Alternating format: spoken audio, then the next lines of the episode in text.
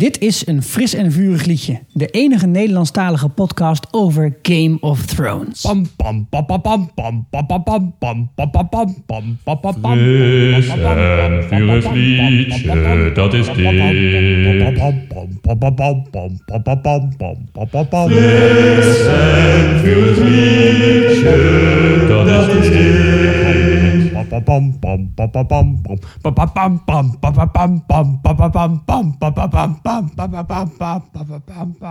Hallo allemaal, ik ben Sikko Ik ben Guido. En ik ben Sander. en je luistert naar een fris en vurig liedje. Deze week kregen wij wat vragen van onze luisteraars over hoe ze ons het beste kunnen beluisteren. Nu gebruiken een heleboel mensen Soundcloud gewoon op de computer. Maar wij wilden jullie even meegeven dat Soundcloud zelf ook een hele goede app heeft. Die staat gewoon in de Google eh, Play Store. Of elke andere app waarmee je podcast kan luisteren. Helemaal geen probleem. En zelfs op elke iPhone staat al een programmaatje. En dat hebben ze, ja, het is een beetje verstopt. Ze hebben het namelijk podcast genoemd. Ja, het is heel moeilijk te vinden. Maar als je het eenmaal vindt, kun je je gewoon abonneren op Fris en Vurig Liedje. We zijn bijna in elke app te vinden. Ja. We zijn in elke app te vinden, voor zover ik tot nu toe heb kunnen In bekijken. elke En als je ons niet kan vinden in een app, mail ons op fris en gmail.com. Oh, wat, ongelooflijk eh, glad is dat erin gegaan. Ehm, wat we ook nog wilden zeggen, like ons vooral op Soundcloud. En als jullie zo vriendelijk zouden willen zijn om een kleine review achter te laten in de iTunes Store, dan help je andere mensen die wel Game of Thrones kijken en podcast luisteren, maar nog niet weten van deze geweldige podcast, Inderdaad. om ons te vinden. Nou, en dat, daarmee is eigenlijk alles wel gezegd voor de introductie van vandaag. Dus een, een rondje. Eerste indrukken van deze aflevering. Fucking vetste vechtscène van Game of Thrones ooit. Lijkt me wel, hè? Sowieso. Echt waar. Ik dacht eerst dat het de, de, eh, de Mountain tegen de Viper was. Ook Namelijk, erg vet. die was echt fucking vet. Mhm. Maar dit is het... Nou, we hebben het straks nog over, maar het is zo goed gedaan. Het is Ja. echt... Nee, ik ga het nog eens zeggen. nice. Fucking goed gedaan. fucking goed gedaan. Ja. Ik had eh, een be- beetje algemene observatie. Heel veel grapjes dit seizoen. ja. Heel veel, sommige Dus, ja. wat beter dan andere. Maar Klopt, ja, ja. in, in de, alle afleveringen tot nu toe is een grote grapdichtheid die we niet gezien hebben in vorige Ja. seizoenen. Vond, ik- Ja. vond ik, eh, vind ik wel leuk. Ik vind het lachen. Ja, ze zijn aan het kapitaliseren op al het opgebouwde credits die ze hebben. Ja. En dit, zijn, dit zijn grappige mensen. Ja, voor mij als boeklezer, en trouwens, wij zijn alle drie boeklezers, maar we proberen Ja. dat voor jullie eh, in ieder geval niet vervelend te laten worden. Maar dit was ook wel een aflevering waar Ja. een aantal dingen die nog wel een beetje in het boek zaten, dat je dacht, oh, Oh. het gebeurt eindelijk. Ja, en nou ja, wat ik daar ook mooi aan vond, is dat eh, de dingen die nu uit het boek kwamen, eh, net zoals in het allereerste seizoen, eh, het allereerste seizoen is vrijwel letterlijk qua chronologie Ja, uit, het boek, uit, het boek, uit het boek gekomen. overgenomen. Maar ook Ja. eh, de, eh, veel eh, gesprekken en zo. Wat heel goed was. En dat is nu weer. En ik vind het toch wel leuk om te zien dan. Dat, ze toch, dat boek nog steeds centraal staat. Ondanks dat ze een eigen wending eraan lijken te geven. Ja. Ja.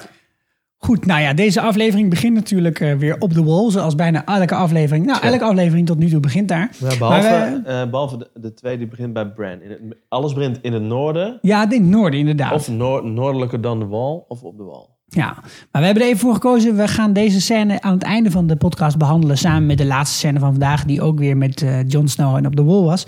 Dus dan beginnen we met de tweede scène. En die is eh, op de berenboot. Ja, heel kort. Maar denk maar, wat er wel belangrijk aan is... dat we in ieder geval zien dat eh Sam wel er nog is. En Ja. dat hij een beetje zeeziek is. Ja. We zeiden al van, ja, naar Old Town rij je niet zomaar. Want dat is aan de andere Ja. fucking kant van Westeros. Ja. Het is wel logisch dat ze een boot pakken. Ja, ze moeten eigenlijk een beetje helemaal om Westeros Ja. heen ook. Hè? Ja, het is echt heel fucking ver. Ja, dus je moet eigenlijk van Schotland naar Wales. Als je dit doet, eh, Ja. moet je een heel stuk varen. Leuk detail vond ik dat het over zijn huis ging. En dat het misschien ook in de vorige aflevering had gepast. In Ja. Home. Want Ik waar, denk gaan- dat, eh, waar gaan hij we naartoe? Home. Ik denk dat had hebt gepast. daarin, Maar misschien wilden ze... Want ik vond dit niet de allersterkste scène ooit. Maar ik denk dat het wel belangrijk was voor zijn verhaallijn. Om het weer... eh, om, oh ja, Samuel is er nog. En binnenkort gaan ze naar een nieuwe plek die we nog niet gezien hebben. Die wordt ook lekker Town. gemaakt. Dit moet Ja. de mooiste stad zijn Ja. van heel Westeros. Waar Ja, ze nu heen inderdaad. gaan. En eh, zijn, huis moet, zijn thuis moet verschrikkelijk zijn. Want precies op het moment dat hij Hornhill zegt... is er een donderslag. Ja. En verder, Gilly is heel erg blij dat ze, Ja. dat ze op een boot zit. Het eerste openingsshot daar van die scène is ook een, gewoon een gelukzalig gezicht door een heel klein Ja. ruitje heen. Ja. Ik dacht heel even dat we de Ironborn gingen zien. Eh, Ja, dat was ja, was. Zeker. Ja. Op een boot, En inderdaad. omdat Pike En die- ook wel in de opening credits Ja, zat. en de Ja. Ironborn hebben we niet gezien de, Nee, deze aflevering. aflevering zijn ze absent. Inderdaad niet. Ja. Nou, en verder, ja, het- we hebben wel. eh, deze had, wat dat betreft, qua, eh, qua titel had hij in de vorige aflevering kunnen zitten, Home. Maar ook in deze aflevering, namelijk Oathbreaker. En Ja. Sam is in zekere zin ook een Oathbreaker. En je ziet ook wat het doet, hè? Hij zegt op een gegeven moment van, ja, ik geef eigenlijk het meeste om jou, Gilly, en om kleine Sam. En niet Ja. om de rest van de wereld. En dat is nou exact het tegenovergestelde van wat ze proberen te bereiken met de eet die ze af moeten leggen als Brother of the Night's Watch. Dus wat dat betreft is het wel weer een hele mooie kantelscène om van de een naar de andere aflevering Om door te de, gaan. naar de titel van de aflevering ook te gaan inderdaad. Dat Ja. zei je net al. Zei Oathbreaker. het al, Oathbreaker. Ja, we komen er nog een paar tegen deze, deze verder in deze podcast. Maar het gaat natuurlijk om de derde scène. Ja. Ja. Man, man, man. Oei, oei, oei, echt- oei.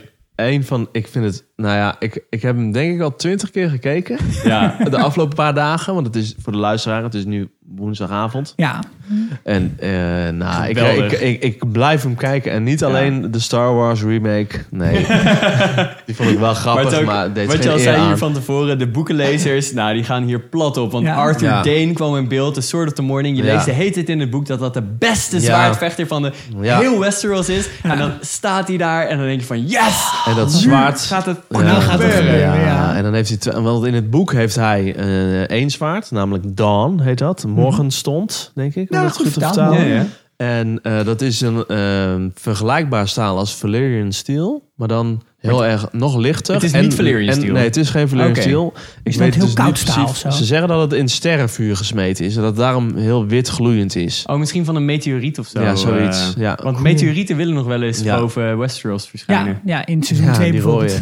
Bijvoorbeeld, ja. Als Danny net drie draken heeft gekregen. Dus het zou kunnen dat het van meteoriet is gemaakt. En wat Ja. heel grappig is aan dat zwaard, want bij de meeste eh, grote zwaarden van families uh, is die, die zijn overerfbaar. Maar bij dit zwaard niet, want dit zwaard mag alleen naar een ridder die het zwaard waardig is. Ja. Nou, dus deze het is zwaard het wel bestaat waardig. nog en House Man. Dane bestaat nog, maar er is nu op dit moment geen ridder die het zwaard waardig is. En we hebben wel gezien eh, dat deze man het Ja. zwaard zeker Grote waardig schoenen was. te vullen ook voor En- eh, ja, de rest van man, House Dane. fuck. En, ik, en ehm, nou, dat zwaard, ze hebben nu twee zwaarden gemaakt en eh, men denkt dat het wel Dawn was, wat, we daar, wat daar in de grond gestoken werd. Ja, waarschijnlijk wel, hè? Waarschijnlijk wel, Ja. want hij zit het ook te slijpen aan het begin. Ja, Maar ze kon daar natuurlijk niet te lang bij stilstaan, zoals wij misschien ook niet te lang bij alleen de precies. Want wij moeten staan. eerst eventjes de over poppetjes praten. Want Ja. wie, wie, wie, zit daar, wie Wie staan daar we? nou? We hebben Sir Arthur Ja, Dane. en een historisch perspectief ook even zo meteen. Ja, precies, is precies. dit? Dus we hebben aan de ene kant Sir Arthur Dane en... Eh, Sir Gregor Hightower. Gregor. Hightower, ja. Want eh, in het boek zijn er drie. Je hebt dan ook nog Sir Went, die erbij is. Maar die is... eh, Gerald Hightower trouwens. Gerald Hightower. Eh, Went is er niet bij hier in de serie. Dus we zien Ja. alleen Hightower. Ja. En dat zijn de twee Kingsguard van Ja. Rhaegar Targaryen. ja. De eh, zoon van de Mad King. En dat zie je Oh, ook oké, aan een dus de- borstplaat, want daar staat natuurlijk het eh Driekoppige embleem van de, drie, van de draak op. Van Ja. de drie draken. Dit zijn, Ja. wel, zijn het wel echte Ki- Kingsguard dan. Ja. Het zijn echte Kingsguard. Ja. En dat zegt op een gegeven moment... Want zij komen dus eh, Ned Stark tegen. Hè? Ja. Jonge Ned Stark samen met Howland Reed. Dat is Ja. de vader en, van... En nog vier Mira. En drie nog- ja, mensen die er eh, niet vier. toe doen, denk ik. ja, die dus ook meteen doodgaan eigenlijk. Ja, Ja, zwa- zwaardvoer. Ja. Precies, zwaardvoer. De belangrij- twee belangrijkste karakters zijn Ned Stark en Howland Reed. En Howland Reed is de vader van Mira en Jojen. En Ja. Mira is het Hebben we de vorige aflevering nog gezien? Precies, in de vorige aflevering was ze nog. Jordan is dood. Eh Jojen is dood en eh Howland is daar dus. Goede vriend van Ned Stark.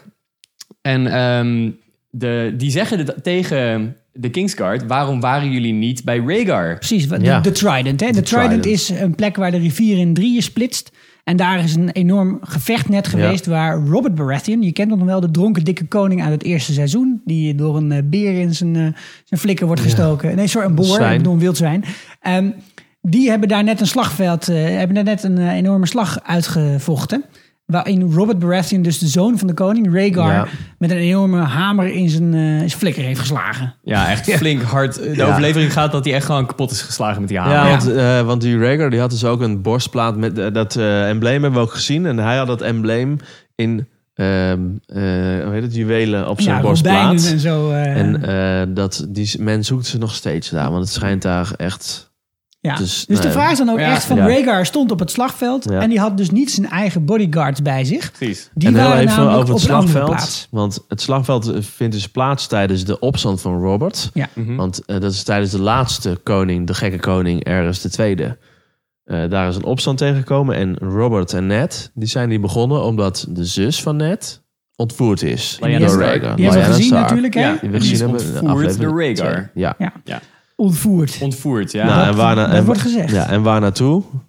Where is my sister? Naar de Tower of Joy. Ja, dat lijkt toren Want zo heet die, de Toren van Vreugde. Zoals wij al eerder zeiden, het Ja. slechtste eufemisme ooit. En dit is ja, het, ongeveer, het is wel ja. duidelijk uit deze scène te halen dat Ja. Lyanna Stark moet in die toren zitten. Ja, En dit is ja, want een hij, van de- het- hij zegt ja. ook, waar is mijn zus? Ja. En Zij dan zegt, niet- hij, eh, dan zegt hij eigenlijk niks terug. En dan gaan ze vechten. Nee. Nou ja, ja, het en- enige wat zegt is... Now it begins. En dan zegt die ander in zijn Ierse accent... No, now it ends. Ja. En dan begint echt... Nou ja, Ja. goed. Oh, Ik dacht heel even dat ze, eh, dat ze Barney van How I Met Your Mother... Ja, ja, hadden gecast. Ja, Neil Patrick Zeker. Harris. Hij lijkt er zo erg er op. heel erg op. Deze man, die eh Young Ned Stark speelt, dus in real life, is hij ook een zwaardvechter. Ah, kijk. Net zoals trouwens eh, beide acteurs eh, van, de, van de King's Guard. Net, Ja. net zoals, ja. Net als de twee Ah, acteurs van de maar King's dit, Guard. dit is eh, een prachtige scène. En Ja. eh, er komt met, met z'n vijf of zo, met z'n zessen vallen ze Op een die gegeven twee moment mannen is het aan. 4 tegen 1. Ja, maar die Howland Reed die wordt eigenlijk Ja, direct in zijn buik eerste gehakt. wordt hij Ja. eh, neergehakt. Ja, Ja. wordt, wordt, is dan voor iemand die er niet toe doet, is het een, eh, zou het een langshot, eh, zou het langshot zijn? Voor iemand Ja. die er wel toe doet, is het eigenlijk wel weer een beetje een kort shot dat hij op de grond valt. Dus je weet al dat hij terug gaat komen. Ja, nee, ja, je, Ja. in ieder geval daarna nog. Oh, De ja, eerste die valt, wint toch? Zeker. Ja, dat, dit is wel Dat vaak, eh, Klopt, ja, wel, dat is jouw vaak de regel. eh, Want hij is de eerste die neergaat en daarna gaat, een, eh, gaat die andere van... eh, Ja, het was nog mooier geweest als hij ja. struikelde. Dan weet je het echt zeker ja, dat, hij, ja. eh, dat hij gaat winnen. Dat is een beetje de Jon Snow tegen die slechte, eh, tegen die White Walker op een gegeven moment. Maar goed, 4 tegen 1 wordt 3 tegen 1, wordt 2 tegen 1, wordt 1 tegen 1. Ja, Oh, wat slecht is mijn vader, zegt Brandon. precies. Dit lijkt helemaal nergens op. Die Dit Sir Arthur Dane is gewoon veel beter. En het is ook echt... Kijk, weet je, er zijn veel zwaardgevechten überhaupt op tv geweest al in de geschiedenis. En Ja. als we nadenken over echt goede zwaardgevechten... denken we bijvoorbeeld aan het gevecht tussen Obi-Wan Kenobi, Qui-Gon Jinn en Darth Maul in Star Wars Episode 1. Beste Oh, vaartvecht niks. ooit. Ja, dat is wel echt een van de Oh, betere. geweldig. Ja, vind ik Maar deze oei. tip daaraan hoor. Ja, ja, goed. Ja, zeker. Ja, en het is ook een scherp contrast met alle vorige zwaardgevechten die we gezien hebben. Want we lezen in het boek bijvoorbeeld dat Jamie Lannister een van de beste zwaardvechters Ja. van Westeros is. Maar de, zijn zwaardgevechtscène tegen Brienne was heel knullig. Ja, Ja. dus Dat was, ja. een, dat was een beetje zoals twee Maar dat komt dat kinderen zijn zo- handen vastgebonden zaten, hè? Weet je dat nog Ja, ja. maar niet de hele tijd. Hij, Op een gegeven moment kwam hij vrij daarvan, toch? Nou, laten we dat nog een keer terugkijken. Maar, nou ja, in maar- ieder geval, Game of Thrones heeft meer een zwaardgevechten- beetje het verhaal van... jongens, je moet gewoon winnen. Precies, en Ja. het is heel lomp. Er wordt veel geschopt en geduwd. Ja. En ze, ze rammen gewoon Ja. hard op elkaar in. Het is heel realistisch eigenlijk. Terwijl Ja. het bevechten van vier mannen met twee zwaarden is niet heel Zo, realistisch. jongen, Ja. jongen, Maar het is nee. wel heel cool. Ja. Ja. Nou, we hebben nog eventjes teruggekeken, ja. iets van drie keer. En die vier mannen die tegelijk op hem duiken... Ja. die proberen het wel echt. Je Ja. zou nog kunnen Het is zeggen... niet dat ze één voor één op hem afkomen. Nee. Er zit toch wel af en toe zo'n soort shot tussen... dat iemand eventjes kapot Ja. gehakt wordt. Ja, dat je precies, denkt, nou ja, maar dan dat- had je oké. ook wel in zijn rug kunnen steken. Alleen dat is dus eigenlijk het punt ook aan deze scène. Dat hoort niet. Nee, Je hoort niet een, een ridder in zijn rug te steken. nee. En wat gebeurt er? Nee, maar aan de andere kant, Siggo, ik denk wel, het is Game of Thrones en het blijft Game of Thrones. En als je kan winnen, dan kan je winnen. Het maakt niet uit hoe. Precies. En Ja. Die, die Ned Stark heeft blijkbaar ook wel gewoon eh, verhaaltjes lopen vertellen aan zijn kinderen. Ja, ja. Ja, heeft maar wat ga je dan vertellen? Hij heeft, hij heeft helemaal niet een soort toen van had woorden hij Ja, verslagen. ik, ik hoorde ook wel leuke een theorieën. kill, hè? want heeft hij het zelf wel verteld? Want Old Nan, die hebben we natuurlijk ook in de vorige aflevering, hebben we Young Old Nan gezien. Oh, dat is waar, ja. En zij was natuurlijk de verhalenvertelster van Winterfell. Ja, Ja, Old dat is Nan- waar, ja. Old Nan is trouwens de, de grootmoeder van Hodor. En volgens mij de moeder zelfs. Nee, de grootmoeder. Grootmoeder van. Hodor. Oh, grappig. Ze is Old Nan, hè? Ze is echt een Old Nan. Ze praat wel veel voor eh, de moeder van Hodor. Heel verschillende woorden in ieder geval. Nog even voordat we daar allemaal luisteraarsvragen over krijgen. eh Rhaegar en Aerys. Op welke manier verhouden zij zich tot Danny? Eh Rhaegar is de broer van Daenerys. Oké. En, Dus ook de broer van Viserion, die en van is. Viserys. En Aerys is Want de Viserion vader is van... de draak. V- eh, Viserys, sorry. ja. Viserys is ook een draak. Hoe heet hij die dan? Een draak van de kerel. Een draak van de. Jezus. Fijn niet. Lekker wakker worden. Nee. eh, en Aerys was hun vader. De gekke koning. Ja, Ja. dus Rhaegar is eigenlijk de, de legitieme troonopvolger, troonopvolger. ja. Want dat is de Ja. oudste zoon van de Mad King, Aerys. En zijn eh, kinderen zijn eigenlijk nog le- legitiemere troonsopvolgers. Maar die zijn door de Mountain heel hard tegen de muur aangeslagen toen Ja, ze nog een baby waren. Daarom was de Viper zo boos. Ja, Ja. Ehm, voor het geval u dat vergeten was, de Viper was dus boos. ja, die was boos. Ja. You killed her!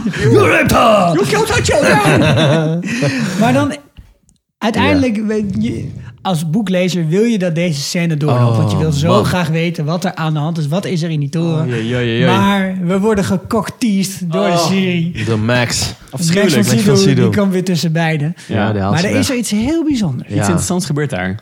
Want eh Bran die roept naar zijn vader. Vader! En hij kijkt om. En eh, als je goed kijkt, dan zie je Ja. eh, de Three-Eyed Raven ook nog een beetje bezorgd kijken. Van, Ja, oh, hij schrikt. eh, the gaat fuck, hij goed, hoort eh. hem. Ja, Alsof er toch wel iets aan de, aan de gang is. ja. Ja. En dit, dit geeft dus een soort van hint dat Bran niet alleen toeschouwer is. Maar dus Ja. wel een soort van. Precies. Nou, de, Three-Eyed hebben. Raven probeert dat gelijk ook weer te weerleggen als ze Ja. terug zijn in, Ja, eh, in de Space God. Maar dat, Bran wil het toch niet helemaal geloven. God, ja. En dat brengt ons tot een, eh, een luisteraarsmail van Ja. Annabel uit Nijmegen. En die zegt, moeten we die Three-Eyed Raven eigenlijk wel vertrouwen? Daar zijn we gevoeglijk van uitgegaan, vanaf, de, vanaf het begin Maar de eigenlijk. enige reden waarom we vertrouwen is omdat Bran hem vertrouwt. En dat Ja. wij Bran cool vinden. Ja, Ja, er is eigenlijk geen reden om hem echt te vertrouwen. precies. Dus kan de Three-Eyed Raven niet zelf bepalen wat Bran ziet? Right. Dat het helemaal geen visioenen zijn, maar dat het gewoon gestuurd is. Ja, En Ja, nou ja, waar dus... dat hij, al, hij zit natuurlijk al tien eeuwen zit hij in die boom, zit hij een soort van scriptje te schrijven eh, in de virtual reality machine die hij heeft. En hij bepaalt gewoon zelf. Misschien heeft net hem wel verslagen, de Sword of the Morning, maar is er een bepaalde Hmm. reden waarom de Three-Eyed Raven, de Blood Raven, Ja, ja, ja. wil ja. dat Ja. Brandon Maar het, het zou kunnen dat hij een eh, psychologisch spelletje aan het spelen is. En dat Ja. hij Ja. eigenlijk gewoon Bran aan het manipuleren is om uiteindelijk de slechte kant op te gaan. En misschien zelfs de White Walkers te gaan leiden. Of in ieder geval een van de grote tegenstanders gaat worden Ja. in het hele geheel. Tegen wie? Want er is Tegen niemand. Danny. Ja, precies. Tegen Want, Daenerys, ja. Want iedereen heeft het de hele tijd over het gevecht tussen de White Walkers en de draken. En de draken Ja. hebben een heel goed gezicht. Daenerys en de White Walkers hebben eigenlijk geen goed gezicht. Want we Nee. hebben Darth Maul, de blauwe Darth Maul. Ja, Maar die Ja. heeft nog geen woord wel een gezegd. topgezicht overigens. Ja, wel een mooi gezicht. Maar die heeft Ja. nog weinig character building. Precies. Ja. Het is niet een persoon waar, waar er tegen gevochten Het is wordt. er niet Het een is een, scène dat hij 's ochtends wakker wordt en zijn gezicht wast met vuur of iets in die richting. ik denk met ijs. Met ijs, ja. IJsblokjes. Zo'n bak met hagel nog. Goed scrubben. Je weet er weinig van. ze, Het ja. zou kunnen dat Bran het gezicht van het kwaad wordt. En dat de Three-Eyed Raven hem daartoe op aan het zetten is. Ja. Nou, er was ook nog een andere leuke fan theory die op het eh, internet de ronde deed. En die wilde ik even inbrengen voor nu. Dat is namelijk, kijk, als Bran in staat zou zijn om te communiceren met mensen in het verleden, dan is hij een echte tijdreiziger geworden. Ja. En nou is er één ding wat heel vaak in de boeken wordt gezegd, en zelfs in de serie ook een aantal keer wordt genoemd, is namelijk dat de Mad King, dat Aerys gek werd omdat hij stemmen hoorde.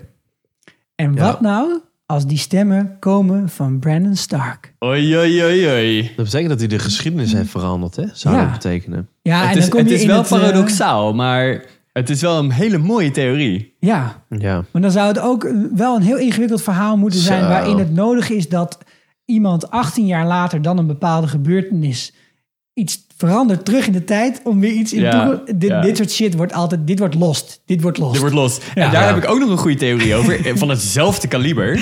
Namelijk dat als Bran in het verleden het verleden kan veranderen. Misschien heeft hij zichzelf ertoe aangezet om in die toren te klimmen. Waar hij door Jamie uit wordt geflikkerd. Want het Ja. feit dat hij uit die toren wordt geflikkerd is de reden waarom hij de Three-Eyed Raven gaat opzoeken. Want hij Ja, wil weer lopen. Ja. De reden waarom hij naar het Nou, noorden het gaat. is de, de gebeurtenis die deze hele serie eh, het startschot geeft, Ja. toch? Ja, precies. Zeker weten. Ja, het begint Dus en eindigt bij Wie weet, het wie weet dat hij, eh, dat hij zichzelf daartoe aanzet. Ja. Ik begrijp het toch niet helemaal, behalve om ons te teasen, waarom we niet die toren binnen gaan meteen. Want het is niet alsof Bran zich thuis voelt daar bij zijn vader. Hij is natuurlijk net zo nieuwsgierig als wij wat we vinden in die toren. Maar waarom zou hij hem daar weghalen? Want in de eerste, in de eerste vorige aflevering zei de Three-Eyed Raven steeds van... ja, maar ja, als je te lang onder water blijft, dan verdrink je. Dan wil je daar blijven. Maar Wat is dan te lang? ja, Heeft hij ook een ja. timer? Of Ja, is er op een gegeven moment de zuurstof op? ja, zoiets. ja, moet hij een nieuw muntje vinden? Dat kan ze even. Maar dit hebben we al eerder geprobeerd ook met die Many-Faced God uit te zoeken hoe die magie nou werkt. Er is maar geen goede gebruiksaanwijzing te vinden op het internet hoe deze shit werkt. Nee, ik denk dat het ja, een soort van eieren koken. Je kan ze niet te lang koken, want Ja. dan, dan ze hard. Ik hoorde hem ook een leuke theorie over Brandon. Wat een wijsheid. Serieus. Ja, doe maar een Mag andere ik toch even over mijn goudvissen van de vorige aflevering beginnen? Eieren goudvissen. Nee, eh, de andere leuke theorie die ik hoorde was... dat het nooit goed af kan lopen in die toren. Want zijn vorige, eh, de vorige ervaring van Brandon in de toren is ook niet goed afgelopen. Want- Ja, Toen kwam je een broer en een zus tegen die seks hadden. Misschien dat nu ook weer... Nee. dat is nooit bewezen. Misschien dat we Matt naar binnen gaat en daar seks heeft met zijn zus. Liam. Ja. Ja, nou, in ieder geval, Annabel, dank voor je luisteraarsvraag. Ja, dankjewel, Eh, dit was, eh, dit is. Super iets wat ons nog mm, ja, weken bezig gaat houden. Wat hier nou precies aan de hand is. Het wordt steeds spannender. We zien dingen uit het verleden en we zijn heel enthousiast, uiteraard. Dit is gewoon Als- de eerste keer dat we een Targaryen in zijn eigen armor hebben gezien. Ja, dat is toch geweldig dat iemand met Nee, zijn... in de Kingsguard armor, hè? Ja, Ja, maar wel met de draken op. Ja. met de draken. Maar als in de volgende aflevering niet de Tower of Joy terechtkomt... Nou, dan, dat, dat zou ik heel, heel erg kut vinden. Ja, dan Ja, maken we een eigen aflevering met onze gast van vorige week, The Tower of Joyce. Zo gaan we het doen. Oké, nou, we hebben lekker veel tijd besteed aan de favoriete scène van deze week. Ja, maar er zijn meer scènes, want we moeten naar Vaas Dothrak. Tja. Ja, dus hier eh, zien Komt we ze Danny. Komt ze aan. Ik vind die shot in het begin wel vet. Dat is mooi, hè? Dat ze het uitzoomen en dat je Ja, dan die en je paarden zag dan ziet. heel duidelijk dat, Ja. waar zij liep. Ja. En dat Ja, ik kreeg toch ook een beetje dat weer dat Mongoolse idee. Dat, Ja, dat van die zeker. hutjes met... eh, Ja, volgens mij hebben we dit soort shots al wel vaker gezien van Danny die in zo'n Kalasar liep. Ja. Dat dan licht op Om haar gewoon te benadrukken dat het veel paarden zijn en één vrouw. Of zo. ja. Nee, dat het overweldigende Nou, hoeveelheid en eh. Emilia Clarke wordt ook gelijk gestript. Ja. Maar met de bedoeling om haar andere kleren te geven. ja, Ja. een of andere jutezak. Ja. Ja, denk Ja. ik. eh, Zo duur. mooi. Maar er wordt wel gezegd dat er nu dus eh, zo'n ceremonie aan zit te komen... waarbij Ja. alle Kalasars samenkomen. Ja. En dit is dus wel, denk ik, de- het moment voor Daenerys... om Ja. hun voor haar te gaan winnen. Want dat is wat ik denk dat er gaat Nou, gebeuren. Ja. Als dat niet gaat gebeuren, dan, dan vraag ik me echt af wat er gaat gebeuren in, eh, in Essos, zeg maar, in het oosten Ja. van Westeros. Om Ja, die kant van de wereld moet wel interessanter Ja. worden. Nou, zij moet daar weg. Ja. Ja. Zij moet naar Westeros. Want in Marine gebeurt niks. Nee. Nee, en Maar- het- er is nog maar één seizoen hierna. Dus ze moeten ja, op een gegeven moment 13 wel... Ja. afleveringen zelfs nog maar, hè, wordt gezegd. Het wordt gezegd, Ja. ja, Echt waar? laten we Ja. gewoon onze fingers Oké. crossed dat dat Ja. niet gaat gebeuren. Maar Ja. we, er komt Nou, dus als, in het ieder maar, geval... als het maar goed is en niet uitgesmeerd wordt over 20 omdat het moet. Ik heb liever dat 13 zijn ja. die goed zijn. nou, over moeten gesproken. We hebben nu dan binnenkort de Kingsmoed. En Ja. we krijgen dan nu ook de Kalsmoed. dus er komt gewoon één aflevering, dat is een soort hè? Nou, ik hoop dat ze in de mood zijn. Ja, ik zat er nog wel over na te denken van... hoe gaan al die verschillende Ja. Kalassaars nadenken over Danny? En ehm, Ik denk, Ik deed mijn random episode generator deze week weer even aan. Toen kwam ik op de eerste aflevering van, eh, sorry, de achtste aflevering van het eerste seizoen. En daarin zit het stuk waar de Kalasar van Drogo een stad overneemt. Hè? Ja. Iedereen loopt te verkrachten, de hele rimbam. En dat Danny zegt, ik ben eigenlijk niet zo voor die slavernij... en ik vind dat deze vrouwen beschermd moeten worden, et cetera. En zij is nu de breaker of chains. Zij heeft in heel Essos iedereen vrijgemaakt. Er zijn geen slaven meer. Maar een van de grootste economische bronnen die de eh Dothraki hebben... is slavernij. Dus zij komt straks voor een tribunaal te staan met allemaal kals... die terugkomen uit de wijde omstreek van Essos... waar net alle slavernij is afgeschaft... Hoeveel kans heeft Daenerys überhaupt dat iemand zegt... ja, lijkt me een eh, toffe peer, Nou ja, daar gaan we mee in nou, ik, denk één, ik, ik denk drie kansen. Namelijk drie grote motherfuckers die daar rondvliegen. hè? Want Ik in de trailer zeggen, hebben we ja. ook gezien dat er een draak over Ja. ja. Dothraki vliegt. De Ja. Dothraki hebben niet een heel erg eh, strikt politiek systeem... waarbij alle rollen goed verdeeld zijn en zo. Nee, de Dothraki volgen macht. Misschien vinden Ze volgen wel... degene ja, met de meeste macht. En als Danny daar komt en Drogon doet eindelijk een keertje wat ze zegt... ja. dan kan zij laten zien dat Zou zij... zijn. Ja. Ik bedoel, de, de, Dat zij de, grootste- basis over het Uberpaard. Ja, precies. Want dat is Ja. zwaar- ja. Oh, dat ijzeren paard is dan van haar. Heel mooi. Ja, want die kals kunnen zeggen van... ik ben de grootste kal, want Ja. ik heb heel veel spieren en een groot paard. En dan zegt Danny, ja, maar ik heb een draak. Ja.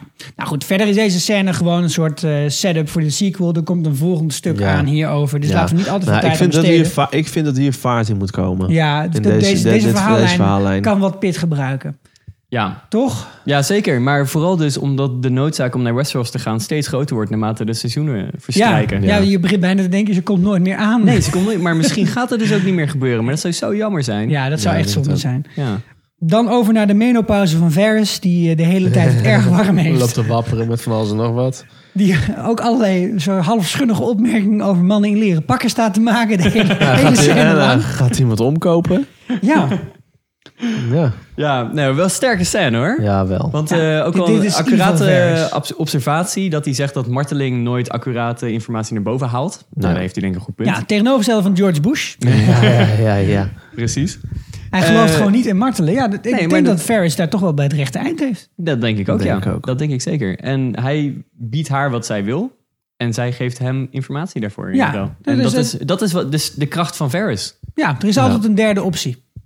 En dat heeft hij in het verleden een aantal keren laten Ja. zien, toch? Ja. Mhm. Hij heeft Ja. het laten zien met Ned Stark. Hij heeft gezegd van, nou, ik kan niet tegen, ik kan niet tegen de Lannisters op om ervoor te zorgen dat je vrijkomt. Eh, ik kan het ook niet eh, maken om Joffrey te laten vallen. Nee. Er is nog een andere optie. Zeg gewoon dat je, het, eh, dat je een verrader bent. Dan onthoofd hij je misschien niet. Hè? Dan mag je naar de wall. Ja. Iets in die richting. En zo heeft hij altijd wel een soort extra oplossing. Ook om Tyrion weg te krijgen. En voor deze vrouw werkt het ook zo. En ja, één stukje van de bedreiging vond ik niet zo heel erg overtuigend. Nee, nee, nee, van, eh, eh, hè, dom? Zeg ik het zo, zo goed? Dom? Ik zat, hoe kan je dom zeggen? Op hoeveel manieren kun je ik, dom vond hem, uitspreken? eh, ik vond het een beetje dom. Maar we gaan over naar, het, eh, naar de volgende scène. En daarvoor hebben we een nieuw thema deze week. Ja, daar komt hij. Eh, ja, eh, nou. Het ontzettend ongemakkelijke onderrondje van de week. Awkward. Dit was echt zo fucking ongemakkelijk. Oh. en ik zat zelf thuis op de bank en ik denk echt van... Oh, en moet ik doorspoelen of niet, Zij dacht hebben ik. een relatie, toch? Die Ja, ja, ja. Missandei en eh, Grey Worm hebben een relatie. Ja. En dan vraagt van, ja, wat, wat Een, bespreken een, jullie een dan? knuffelrelatie. Ik wou net zeggen, we moeten even een soort aflevering maken over hoe zij dat dan doen. Want holy shit. Oké, maar weet je, Plato heeft ooit gezegd... de hoogste relatie is een platonische relatie. Ja, Oké, prima, maar daar hoort dan wel een goed gesprek bij. Fantoom, fantoom en over patroon. Wat uit die patrol? Maar dat doen we een patroon. Patroon. Ik dacht even dat hij over benzine ging praten. Ja, moeten, di- ik vond het, normaal gesproken is Tyrion de allergrappigste van zo'n, van zo'n scène. Maar ik vond Grey Worm hier echt hilarisch. Ja, supergoed. Nou, Tyrion vond ik ook wel leuk hoor. Met zijn, eh, ik heb nog nooit, het spel dat we allemaal wel eens gespeeld hebben. Nee, niet ik heb Alsof nog je nooit. gaat ik heb nog drinken nooit. Het is wel ja. een subtiele spel. Ik denk dat we het ook moeten introduceren in onze vriendenkring. Het is echt een, een, een Tyrion. Of een, een- de Lannister game. Want hij zegt van, ik ga een uitspraak doen over jou en ik ken jou nog niet. Ah ja. En als ik het goed heb, dan moet, ik, dan, dan moet jij drinken en andersom. En dan komt hij, oh, dit, spel werkt niet. Over drinken Ja, en. Tyrion gesproken. Er zijn dus t-shirts in de omloop. Met Tyrion Lannister erop. En er staat de uitspraak Valar alcoholisten op. All men must drink. Dat is wel zo grappig. En wat ik ook zo mooi Ja. vind, dat hij zegt van... Ja, ja, ze zeggen, ik drink niet. En dan zegt hij, until you do. ook weer zo'n... ja. Ja. Reclame voor roken ongeveer. ja. Ik hoop wel dat, eh, dat, dat onze held voor de, we- en onze kandidaat voor de wereldheerschappij, namelijk Peter Dinklage, Ja. wat beter acteermateriaal krijgt. Precies. Want het maar is- o- ook want deze hij- hij verhaallijn verdient iets Want nieuws. Ja, als ik dit hij zeg doet het maar... zo ver- goed. Ja, want als Maar ik dit hij- vergelijk met eh eh, One Trial by Combat, die scène, Ja, weet je dat nog? met, eh. De fuck, dat was Ja, zo... dat was echt nou goed. geweldig. Maar Ja. goed, en dan kunnen we ook nog uren fantaseren over wie er nou werkelijk achter de, de zonen van de harpij zit. Maar het is hier gewoon, ja. ja. die andere steden die slavernij hadden, die dat nou niet meer hebben, die het heel vervelend vinden. Ja, Dus- maar dat, dat geeft misschien wel een soort van urgentie aan dat zij weg moet daar.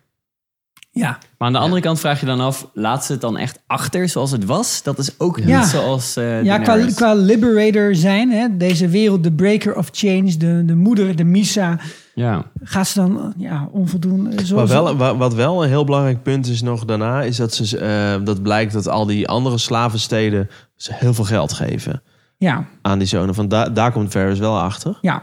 ja. Nou, je weet dus, er, ko- er, komt, er wordt uiteindelijk wel gezegd van... kunnen jouw little birds, waar we het zo nog over gaan hebben... een boodschap overbrengen aan de meesters van Yunkai. ja. Wat voor boodschap? en Astapor en al die andere steden. En Volantis. En die boodschap, ja... Als je, die, als je volgt hoe die scène verloopt... betekent dat ze begrijpen hier maar één ding, dat is geweld. Ja, Dus ze gaan een soort oorlog verklaren of zo. ja met alle, kal met alle Kalasars. maar dat is niet Tyrion.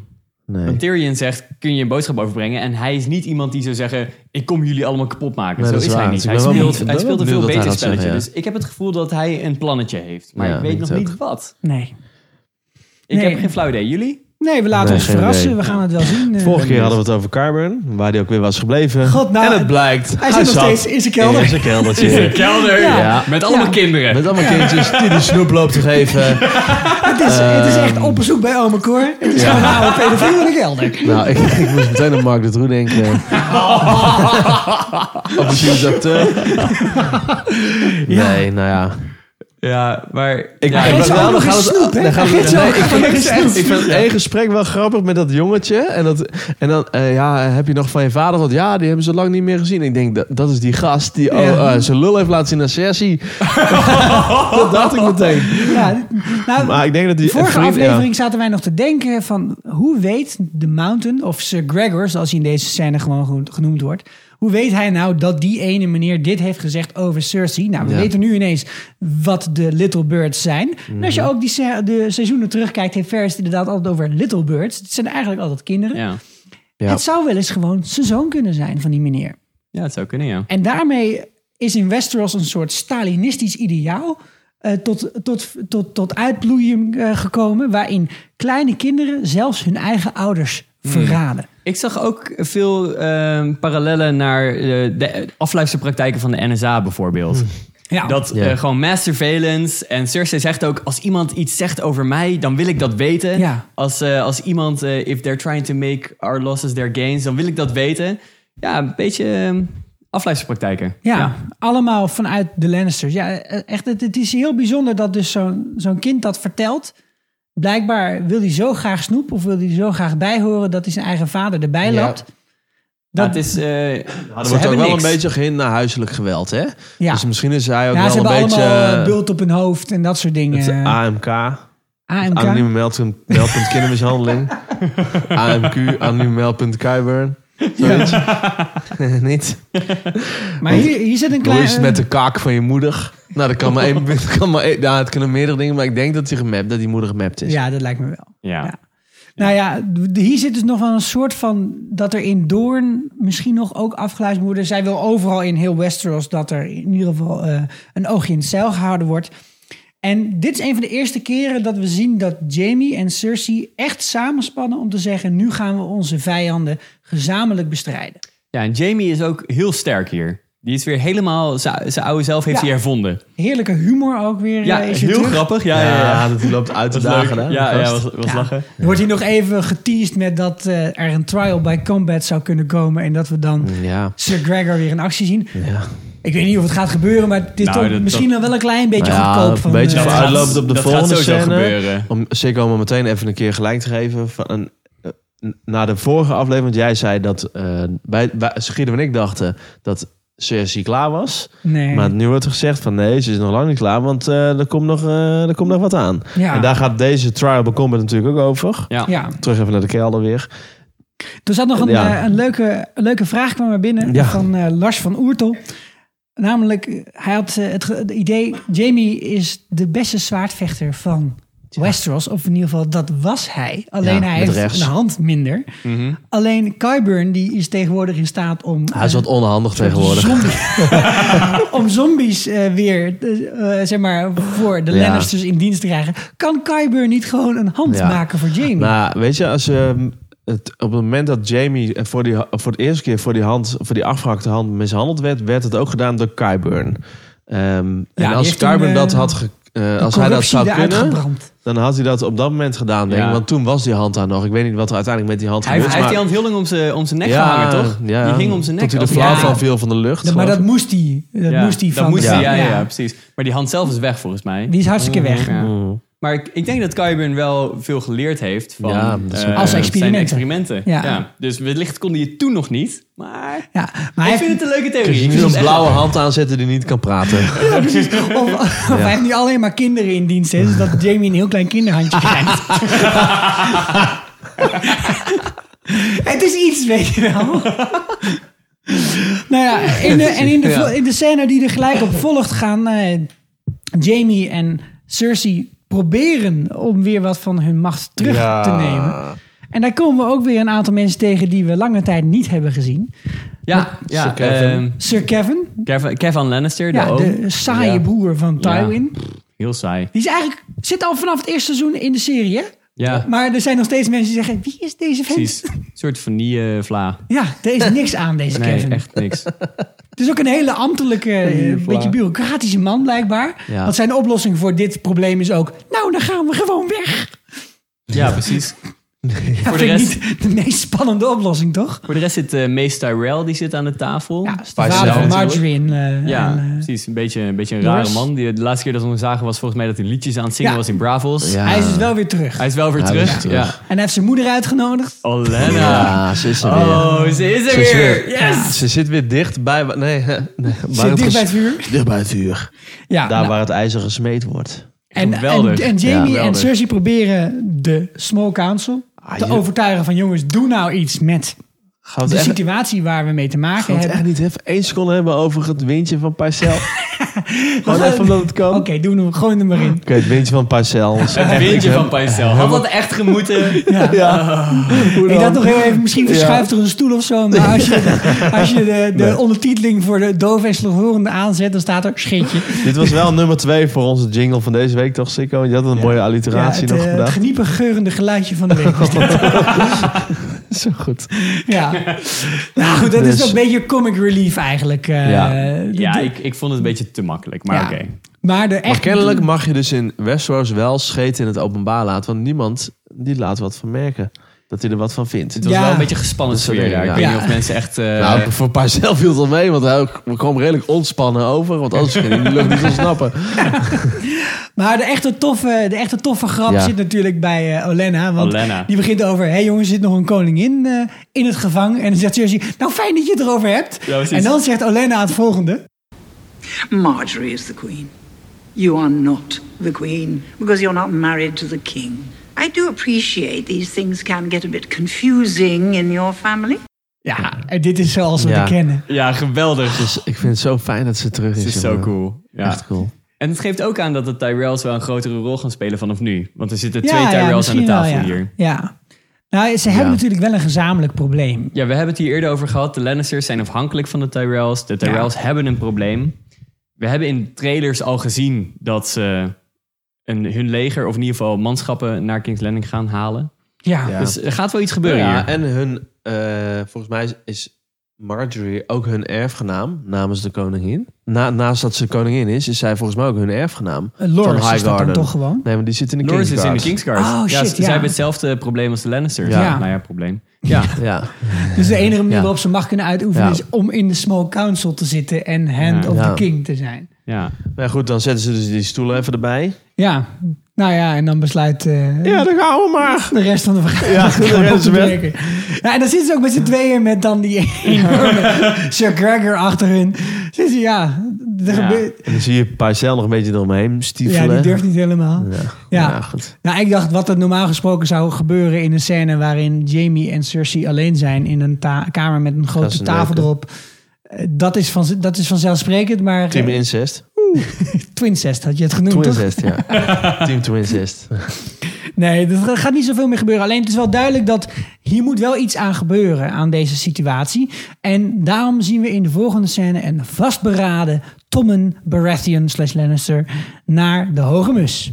Goed, goede scène. Echt Ja, heel goed acteerwerk Ja. van Tommen. En we zien, dat, we zien ik, ik zei het de vorige aflevering al, Tommen heeft echt een karakterontwikkeling doorgaan. Ja. Hij Ja. staat in zijn schoenen. Ik vond ook ehm, ehm, de Hoge. Mus vond ik erg goed acteren. ja maar Jonathan Price is Jonathan Price, echt ja. een Ja. geweldige acteur. Goede acteur. Maar je zag inderdaad dat eh, normaal gesproken Jonathan Price... die is in elke scène de winnaar van die scène. Het maakt Ja. niet uit wat er gebeurt. Ja. Alleen, ja, Tommen kreeg toch een beetje de oude allure van Joffrey Ja, terug aan het begin van die scène. Heel kort. Ja. Heel kort. Want, dan, want daarna is alles in de regie van de Hoge Mus. ja, en die, is, dan- die is hem gewoon een beetje aan het bespelen. Hè? Ja, eh, want je ziet dus force aan eerst dat zijn eh, wachters even weggestuurd worden van de Hoge Mus. Heel klein En dan, gebaartje en dan ook, hè? knikt hij even. Ja. En dan gaat Tom en stuurt hij van hem ook weg. Weet je wel, Ja. dat soort Ja. dingetjes. Precies, dan gaan hij- ze zitten. Ja, de, high, de, de High Sparrow vindt- die kijkt naar zijn eigen bewaker en zegt van nou, hup, ga maar weg. En dan doet hij iets met zijn hand. Hij doet eigenlijk alleen maar zijn, zijn middelvinger en zijn wijsvinger zo open. En dan zegt hij, hè? Wat ga jij Precies. nu doen, Tommy? Ja. Ja. En Tommen doet ook een klein handgebaartje. Ja. En dan daarna, je zei het net al, het Ja. gaan zitten. Erg goed, want Ja. dan zegt eh, de, de hoge mus zegt van... oh, ik heb een beetje last van mijn benen. En dat is Ja. zo'n mooi mooie manier om Tom tot, zich, tot hem al- te krijgen. Ook al hoe die, hoe, die, hoe, die, hoe, die, hoe die gaat staan, dat zit natuurlijk te bidden. Hij zit eigenlijk niet te bidden, want hij hoort ze al aan. Hij denkt, oh, heb ik nou weer aan mijn baas. Snel, snel, snel bidden. Heel veel. En dan, Ja. en dan doet hij dat boek dus dicht. En dan vraag ik me af, waarom doet hij dat boek dicht? Zie je, heb je dat gezien? De heb Heilige. Schrift. Nou, dat Paf, zou, dicht. misschien is het wel een of ander ritueel dat je het niet open mag laten liggen. Ja, ik weet niet, doen we aan namen van de volgende aflevering? Dat Nee, laten we het niet doen. En laten we sowieso eh, qua previews, daar komen we straks nog even op. is wel maar interessant. moeten een beetje, een beetje voorzichtig mee zijn. Dus Ja. luisteraars, we laten jullie eh, helemaal in het donker hierover. Mm. Maar ja, dit, dit, is, dit is een grappige scène in de zin. Je zei het net al dat hij zegt: Mag ik even gaan zitten? Ja, Het is heel, heel bijzonder. Hij geeft Tommen dan het gevoel dat hij macht heeft door te zeggen: Mag Ja, ik even gaan precies. zitten? En zijn eigen kwetsbaarheid eh blootstellen. Precies, maar uiteindelijk Ja, zit hij goed. natuurlijk weer op, dezelfde, op hetzelfde niveau. En dan gaat hij in zekere zin weer een soort preken richting Tommen. Het is heel erg. Ik Open krijg een katholieke kerkgevoel. Over de moeder. De moeder, ja. Het is, Ja. het is het matriarchaat en Ja. het patriarchaat samen in één. Ja. Want het is van de, de, de moeder is degene die het allemaal wel weet. En eh, we moeten haar volgen. En de barmhartigheid en de liefde. En het patriarchaat is dat het gewoon een keihard machtsspelletje is tussen de High Sparrow en Tommen. En het lijkt wel bijna, maar dat kan mijn lezing zijn over de scène, dat hij solliciteert naar een plek op de Small Council. Oh, echt? Want als er nou toch één iemand is van wie je moet, naar wie je moet luisteren als het koning, dan is het wel de goden. En dus degene die spreekt maar met hebben de ze niet zoiets als scheiding tussen dat- kerk en staat daar zo? Ja, nee, dat eh, natuurlijk niet. Nou ja. Nou, maar ik, ik, ik, ik, vind, ik denk dat hij meer macht wil krijgen over Ja. Tommen. Of hij nou per se meteen op de small council wil zitten, dat vind ik een beetje eh, een brug Een te stap te ver, ja, oké. Maar ik denk ook wel dat... ehm, want eh, de, de hoge zelf zegt... Het gaat niet om wat ik wil, het gaat om wat de goden willen. Ja. Maar dat is En, natuurlijk niet en- waar, en de want goden hij heeft heel ja. erg een eigen persoonlijke agenda. Together we can overthrow an empire. Precies, zegt ja. ook de vorige aflevering. Hij is, eh, want hij kan iedereen aanklagen die hij wilt, want niemand is zonder zonde. Ja. Hij is heel erg met de persoonlijke agenda mensen aan het aanklagen... Ja. waarvan hij denkt dat dat een goed idee zou zijn. Ja. Nou, en dit zou ook wel mooi kunnen reflecteren hoe het in de middeleeuwen natuurlijk ook vaak aan toe ging. Hè? Ja. Er waren natuurlijk wel koninkrijken, maar eh, de paus en Rome, die waren ook altijd zo ongelooflijk belangrijk. En het Oh ja. knappe aan, aan Ja. de kerk is, en dat zie je hier ook in terug, dat ze zo ongelooflijk goed georganiseerd zijn. En die vrouw Ze die... zitten overal. hè? Ja. Oh, die vrouw die, eh, die is een beetje onaardig. Brandstapel. Hartstikke idee. Oh nee, en eh, weet je wat? Als eh, we binnen er vast aan een steen... en als ze dan toch boven komt drijven... Ja. Ja, dat is een heks. Moet ze ook dood. Ja, precies. Had ik Zo idee. Ja, ja, dit is een catch-22 waarin je altijd Ja. doodgaat.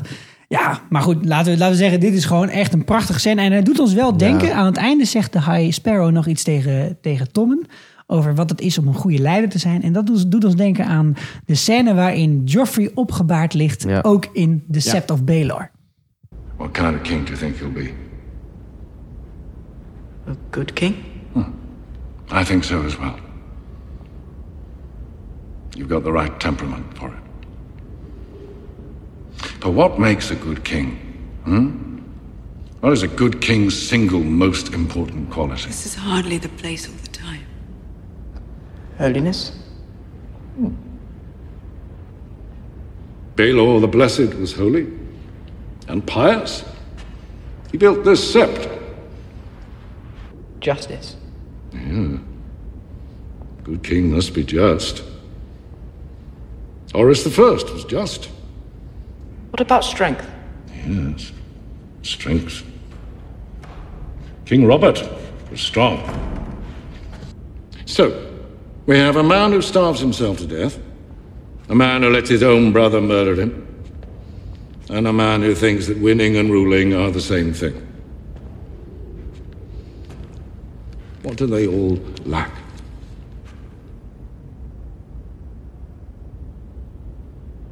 Wisdom. Wisdom is what makes a good king. Yes. But what is wisdom? Hmm? A house with great wealth and fertile lands asks you for your protection against another house with a strong navy that could one day oppose you. How do you know which choice is wise and which isn't? You any experience of treasuries and granaries or shipyards and soldiers? No. No, course not. A wise king knows what he knows and what he doesn't. You're young. A wise young king listens to his counselors and heeds their advice until he comes of age. And the wisest kings continue to listen to them long afterwards. Ja, het is een beetje alsof de High Sparrow tijdens die scène ook mee heeft staan luisteren. Ja, ja. Zo goed kan hij Hij het ook, hij heeft ook HBO Go. Ja, hij heeft ook HBO Go. Maar niet bij iemand waar jij het ook van hebt zeker, want anders had hij het pas drie dagen later gezien. Goeie herder. Nee, laten we dat even laten Nee, zitten. Zeker. Eh, ik denk nog één ding over deze Ja, we scène. of eigenlijk de voor- want we krijgen het idee dat er met Dorn niks meer gaat gebeuren. Dat gebeurt bij de, bij de Small Council, bij die, bij die kleine raad. Want zegt Jamie, oh, moeten we... Of iemand, Jamie of uh, Ja, Jamie zegt, we moeten we iets moeten doen. iets, want er is ja, bloed is vermoord. We moeten er wat mee. En dan zeggen ze, volgens mij niet. En dan staan ze op en dan gaan ze weg. Ja. Dus we worden in de waan gelaten dat er met Doorn niks meer gaat gebeuren. Maar ik verwacht dat Doorn de plek is waar Daenerys gaat landen. Als ze gaat landen in Westeros. Ja. Want Ja, dat is voorheen is dat ook gebeurd. Want eh, Ja. in, in Doorn was altijd een belangrijke relatie tussen Doorn en de Targaryens. Maar Doorn is ook het meest westelijkste punt van Westeros. Ja. Di- En ook het dichtst bij. Dus als ze met paarden die eigenlijk niet over de zee op boten willen moeten gaan, dan gaan ze kort varen en daar. Denk O- ik. Oostelijk bedoel je? ja, klinkt als een... Van, hè? Het meest oostelijk, van sorry, Westeros. Ja, klopt. Het ligt het dichtste bij Essos. Ja. Dat bedoel ik. Nee, zeker weten. Nou, dan gaan we het. naar een... eh, nou, kijk, als je dan toch een montage doet waarin er wordt gevochten... dan is dit wel een hele aardige montage. De Kong Fury van Arya.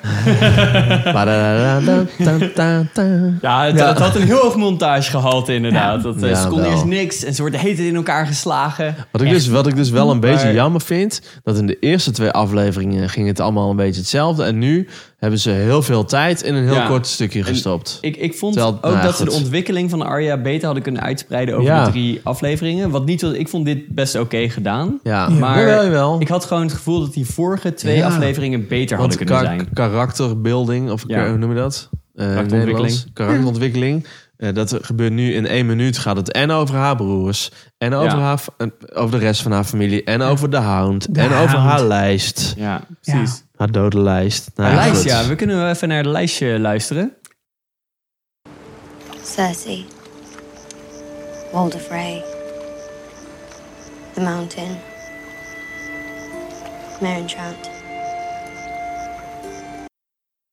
Ja, dit was de laatste lijst voordat ze No One ging worden. Hè? Precies, toen zat ze op de Ja. trappen van de Ja, House of klopt. Black and White. Nou ja, er is weinig van over. Eh, ze zegt Ja. in deze aflevering wat er van over is. Namelijk Walder Frey, Cersei en nou ja, ja. Gregor. Ja. Is, die, is Ja. die nog eh, levend of niet? Ik weet het niet. Ik heb geen idee. Ja, hij is niet dood gegaan Nee, toen we het zagen. Dus het zou nog kunnen dat hij er hij nog kan nog is. leven. Evenals zijn broer.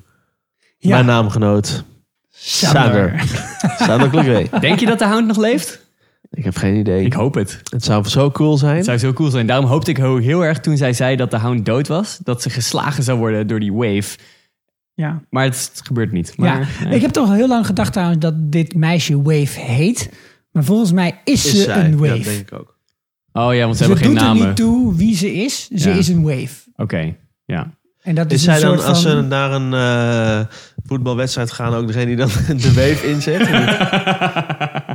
Ik doe deze scène geen recht, deze Eh, vraag. sorry. Het spijt me. Maar ja, wel, wel ook veel vragen van wat is ze daar aan het, aan Ja. het eh, maken? Een beetje poeder. Ze Ja. gooit poeder in een pot. En dan daarna is van, oh, dat is heel goed gedaan dat je die poeder in je pot hebt gegooid. En dat zonder Nee, ik ook. denk dat als het verkeerde pot was geweest, dat die ontploft was. Ja. ja, misschien. Ja, de, de echte test zit er natuurlijk Ja. in dat zij uit die fontein iets Nou moet ja. drinken. Ja, En ze dat zegt, is het welke, allerbelangrijkste. scène. ja. en zegt, welke naam wil je dat ik noem? Ja, dus dat geeft denk ik aan dat zij namen aan haar gaan geven Ja. voor haar om te vermoorden. Ja. Ja. of dat ze eigenlijk Arya Stark nog zou moeten zeggen, want die, dat is degene die dood moet. Mhm. Namelijk, zij is no one. Ja. Maar dat, die mag ze dus niet zeggen. Dat is nog een extra test, denk ik. Ja, Ja, maar de, de, de test in ieder geval, zij heeft in ieder geval al een keer iemand geholpen in de serie om dat te drinken wat er in dat bassin Ja. zit. Die Ja. gaat dan dood. Daar dus ga je wij dachten ook van. gelijk van, nou ja, ze zal dan eh, wel doodgaan. Maar, Maar- in zekere zin gaat ze natuurlijk ook dood. Ja, en dat vind ik wel grappig, want ehm, ja, mensen komen naar die tempel om dood te gaan. Dat is waarom mensen naar de tempel komen en, ze- en ze, snijden dan het gezicht van hun af en die gebruiken ze dan voor zichzelf. Ja, die hangen ze op de hoedenplank. Precies, en het feit dat zij dus niet doodgaat na het drinken van dat water, geeft aan dat ze echt niemand is Ja. geworden. Dat ze dus echt haar oude karakter en haar oude zelf heeft verloren. Ja, dus Ja. We, we gaan ervan uit, dit wordt een ongelofelijke toffe andere zeven afleveringen van dit seizoen waarin... Ja. Want ik No denk Dus one- ik hoop dat dit, dit en eh, het stukje van Daenerys de aanleiding was voor de snelheids of de, de snelheidsverstroming, dus Stroomversnelling bedoel jij, denk ik. Maakt niet uit. de stroomversnelling in Essos. In dat er eindelijk wel wat gaat gebeuren. Ja, ja. Nou, dat eh, gaan we volgende aflevering zien.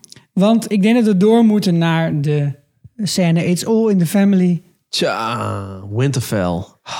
Oei, oei, oei, Oh. Ja, oei. Ja, Het, eh, het- ik heb het gezegd vorige week, hè? Rickon komt terug. Ja. Rick komt terug. En dat brengt ons bij... Hey dude, what the fuck? Dude, what the fuck? De Westeros, what the fuck, van de week. What the fuck? Wat the fucking fuck. Rickon. Goeie herder. Maar heel even, die, die eh, Small John Umber. Ja, het is Small John Amber. Dat is eh, even goed om st- bij stil te staan. Wie is dit ook alweer? Ja. Die hebben we gezien. We hebben- eh, ja, ze we hebben zijn vader. Small, hebben Small we- John hebben zijn vader nooit gezien. Nee, dat is Ja, waar. Zijn vader kennen Zijn wij. vader. Ehm, ze heten allebei John. Ja. Ja. Makkelijk. Great John en Small John. De Great John en de Small Ja, John. de Great John is zo genoemd omdat hij daadwerkelijk langer dan twee meter was. En toen hebben ze gedacht, ah, hij is heel groot. Great John. En Great dit is zijn zoontje, dus dat was de John. Ja, Ja. terwijl Zo die is niet heel klein is. Nee, het is ook nou, geen ook kleine niet. jongen. En ik vind die gast, jongen, ik vond het echt zo'n held. Zo grappig. En hij speelt het zo goed. Dus good fuckers. dat soort dingen. Ja. Ja. Nee, maar even voor, ook voor de luisteraars. Je moet misschien even nadenken van wie was dit ook alweer? Ja. Die Great John Amber.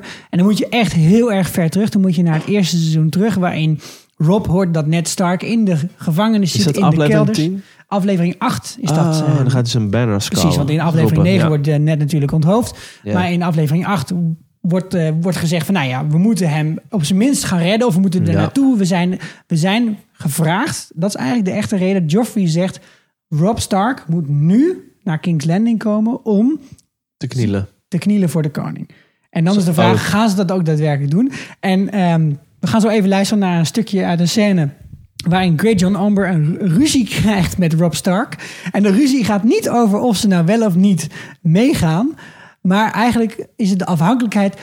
Great John Amber wil alleen maar meedoen als hij ook voorop mag rijden in Ja. de stoet. Ah ja. Oh de ja, ja, ja, Vanguard. ja, precies. En het grappige is dat deze scène heeft een naam. toch? En deze scène heet Oathbreaker. Oh. En dat is dezelfde naam als deze hele aflevering.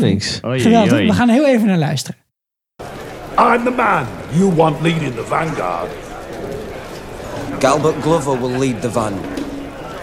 The bloody wall will melt before an Umber marches behind a Glover. I will lead the van, or I will take my men and march them home.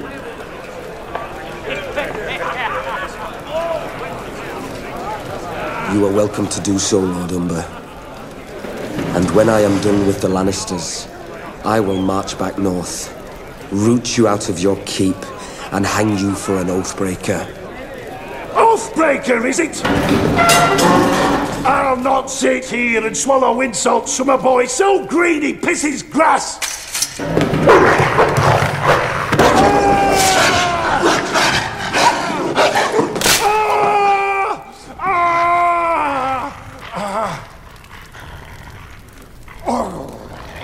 My lord father taught me it was death to bear steel against your liege lord. Doubtless, the great John only meant to cut my meat for me. Your meat!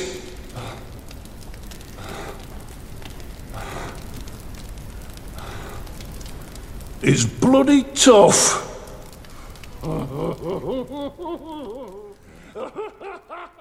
En het spannende is aan deze, aan deze scène is dat Great John zegt: Ik ben geen Oathbreaker.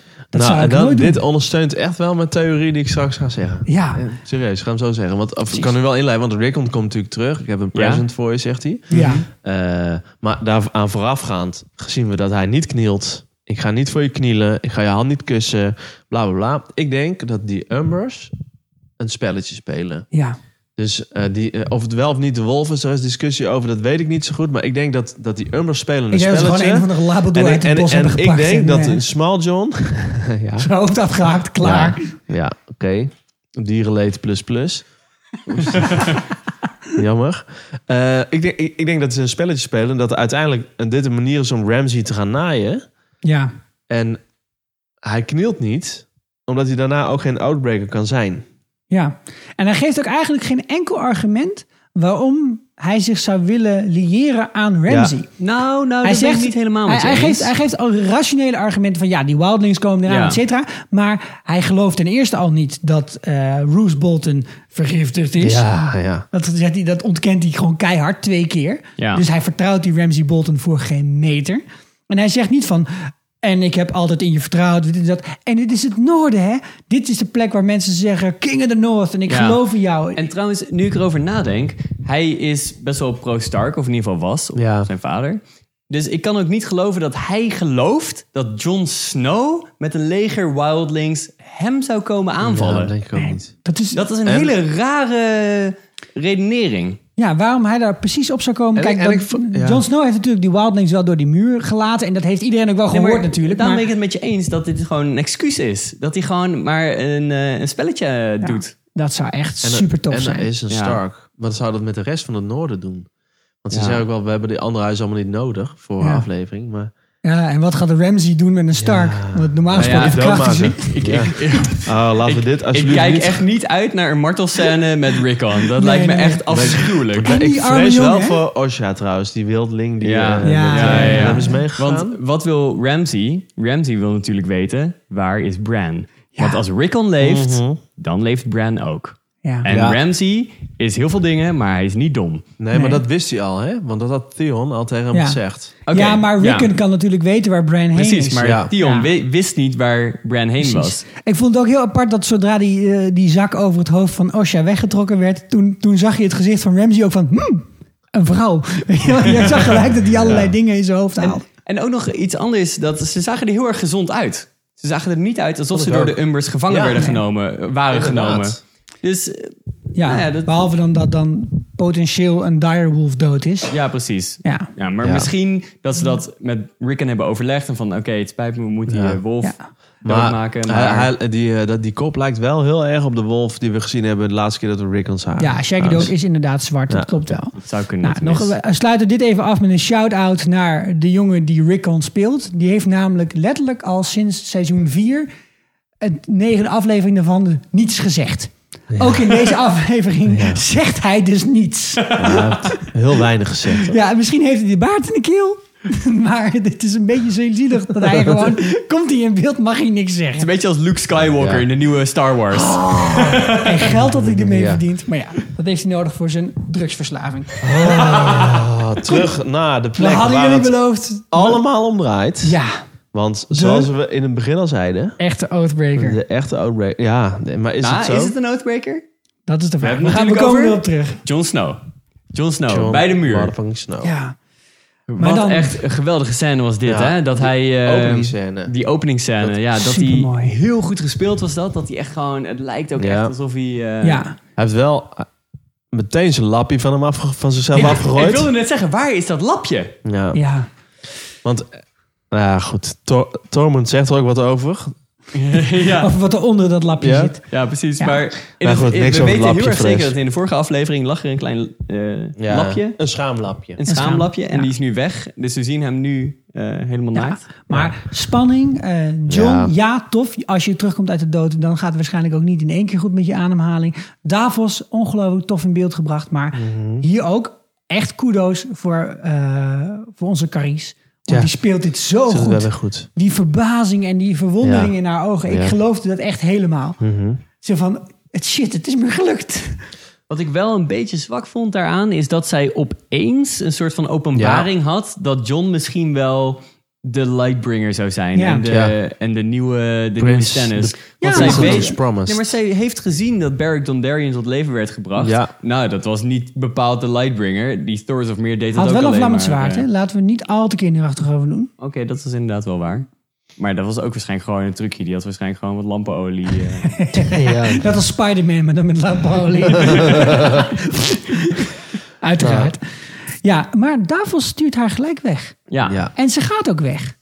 Ja, wat wel raar is. Want als je net die openbaring hebt gehad... dat Jon Snow Nou ja, de belangrijkste man in je leven is. we- We ze kennen haar toch ook wel ja. als iemand die zegt... wat nou, ik ga helemaal niet meer. Nou, misschien voelt ze zich nog, niet- nog niet helemaal op haar plek of zo. Dat, Ja, dat, en ik denk dat ehm, deze even scène- mannen onder elkaar. Deze scène ging ook heel erg om wat zij had gedaan en niet om Jon Snow, denk Ja. ik. Want het feit dat Jon Snow tot leven komt, zegt denk ik niet heel veel over Jon Snow. Nee. Want meerdere mensen worden tot leven gebracht, dat heeft ze zelf Mhm. gezien. Het zegt meer over haarzelf iets. Ja. Ja. Het zegt over dat zij dit kan. Dus ze heeft waarschijnlijk ook even wat tijd nodig om... eh, En wat zegt het over Rogollor? ja, de, de, de vuurgod. God. Want Ja. ze vraagt aan John... John, wat was daar Ja. aan de andere kant van de lift? Ik heb, ik heb geen idee, maar pas op met wat je met je laatste hollow doet. Ik heb het gevoel dat deze al drie dagen in jou borrelt.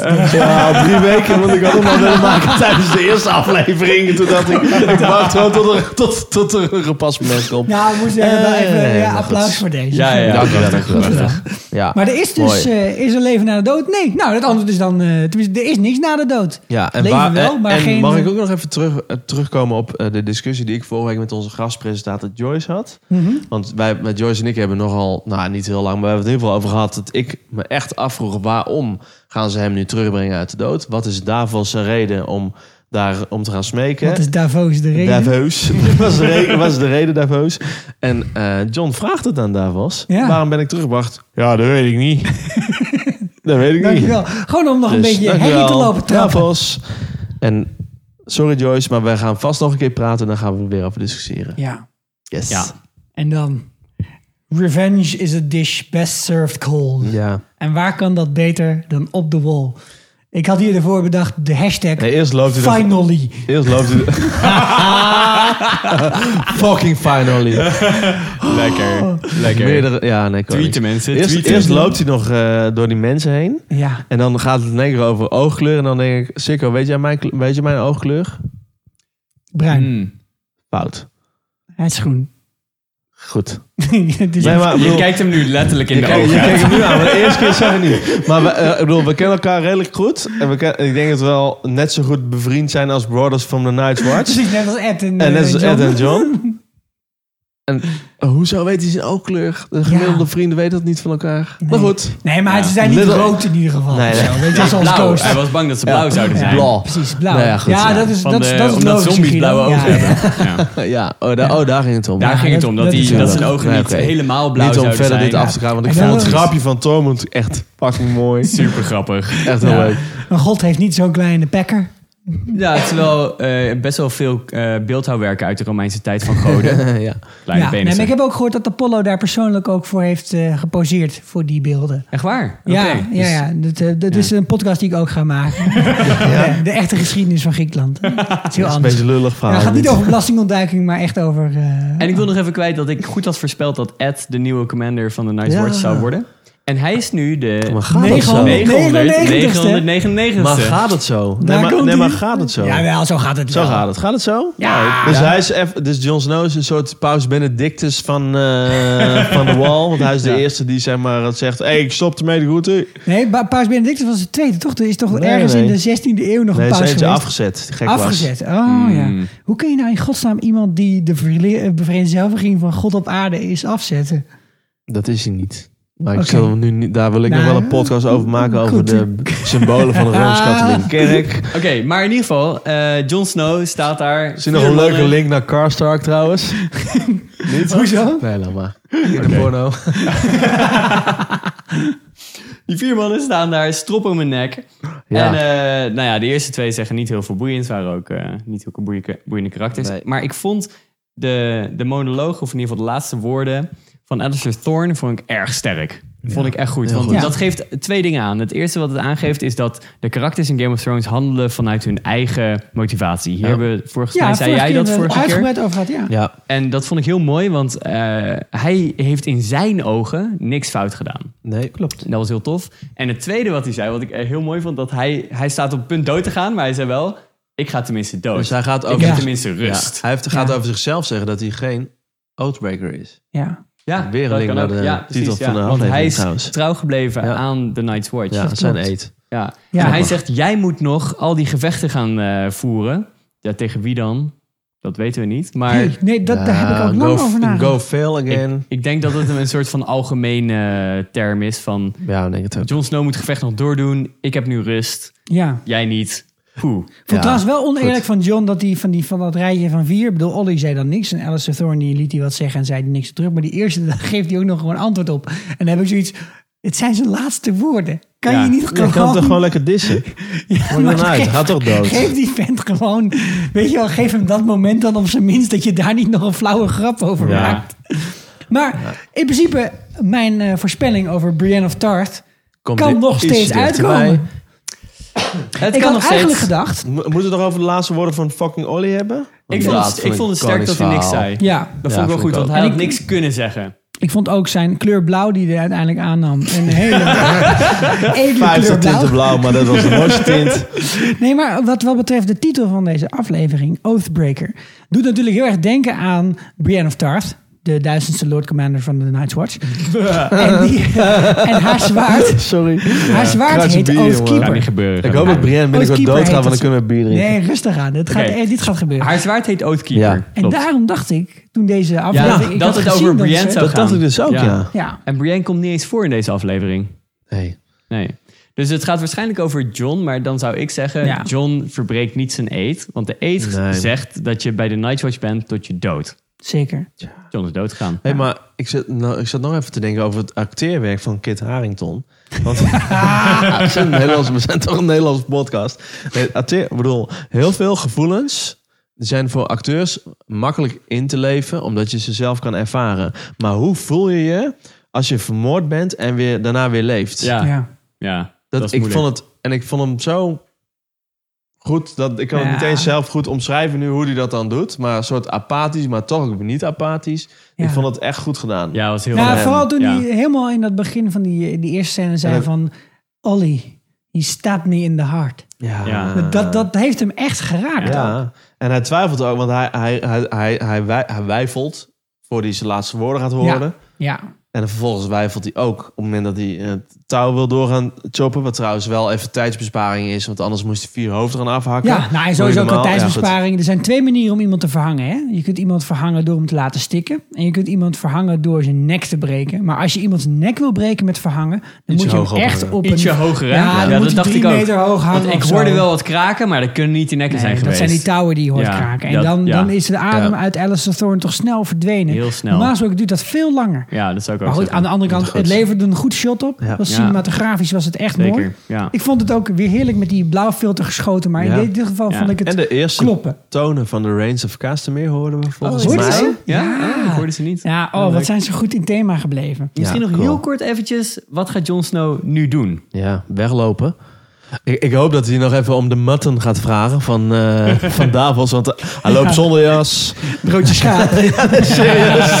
Nee, maar hij loopt zonder jas, zonder een, zonder iets. loopt hij weg. Ja, de vraag is natuurlijk waar hij heen loopt. Ik denk dat hij gewoon naar zijn kamer loopt. Ja, om nog Wat even gaat een Als een boze puber gaat hij naar zijn warme kamer. schoen. En gestoord worden. Even een warme schoenen aandoen. Want ja, ik ga toch zien wandelen. Ja, wat gaat John nu doen? Ja, wat gaat hij doen? Eh, In weet je wat? hij zullen Davos en doen? meenemen. Wat John gaat doen, daar gaan wij nu niet over, eh, over speculeren. We zijn heel benieuwd wat jullie ervan denken. Dus als jullie luisteraars daar Ja, ideeën, eens. theorieën over hebben, mail ons dan vooral op fris en. Ja. En ik denk dat we hiermee ook aan het einde van de aflevering zijn gekomen. Ja, Eh, we wilden ons publiek nog bedanken voor de 7,31 euro die er is overgemaakt op onze PayPal-account. Ja, cool. Ehm, we kregen ook een paar vragen van luisteraars. Waarvoor hebben jullie eigenlijk geld nodig? Dat is een goede vraag. Ehm, het zit erin dat wij bij Soundcloud een account moeten huren... waar we ook genoeg van onze geluidsfragmenten op kunnen zetten. Ja. En dat is inmiddels eh, 120 euro per jaar aan het kosten. En zo zijn er nog een paar andere zijdelingse eh, kosten die wij hebben. Heel even helder... Taco Werkman stuurde ook een mail van... ligt dit eraan dat jullie heel veel drinken tijdens de opname? Nee, dat is voor onze eigen rekening. By the way, als het zo klinkt, mail het dan ons ook. Ja, of zet het op Twitter, het doen. podcast. Maar mocht, mocht je nog iets over hebben voor, eh, voor ons, zodat wij ervoor kunnen zorgen dat we dit seizoen rond kunnen breien en misschien ook het volgende seizoen kunnen maken, want het gaat natuurlijk per Ja. jaar. Maak dan Ja. eh, wat geld over via onze PayPal-account die je vindt op Facebook. Ja. Fris en vuur liedje. Onder de knop shopping. Shopping. Ja, Shopping. nou, de rest aan. wil ik nog wel heel even zeggen dat we de apparatuur die we gebruiken voor de opname gratis krijgen van Partybox. Partybox. Dus, Beste eh, box. Precies. Hey. Als eh, iemand nog speakers nodig heeft, party-box.nl. Zeker weten, ja. Voor al uw feesten en partijen, precies. verlichting en geluid. Hartstikke bedankt, Onze Partybox. sponsor. Leuk. Heel erg bedankt. Dankjewel jongens. Dan kunnen jullie ons nog volgen op Twitter op de handle @nlgotpodcast. Wij zijn erg van het delen van de laatste speldberichten over de, de interventies van Bert Koenders. En de Ja. leukste, grappigste dingen die we hebben gevonden op het internet. Dus nou ja, eh, follow, ons, follow ons vooral. Like ons op Facebook. Laat een reactie achter op Soundcloud over de iTunes Store. En dit was het voor deze week. Een fris en vurig liedje. Ik ben Sikko. Ik ben Guido. En ik ben Sander.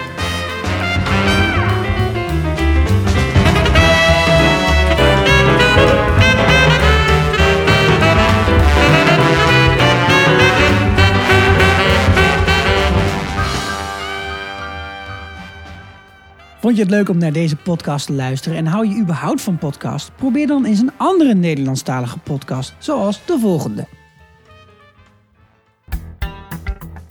Voor iedereen met een bovengemiddelde interesse in de media is er Onder Media Doctoren, de podcast waarin communicatiewetenschappers zich verwonderen over de media. Elke twee weken voeren zij inhoudelijke en wetenschappelijk geïnformeerde gesprekken over de media. Ze laten daarbij andere experts en programmamakers aan het woord en kijken welke antwoorden er bestaan op een centrale vraag. Met Onder Media Doctoren zit je nooit meer verlegen om een sterke mening. Kijk op ondermediadoctoren.nl of abonneer je via iTunes. Verwonder je mee met de Mediadoctoren.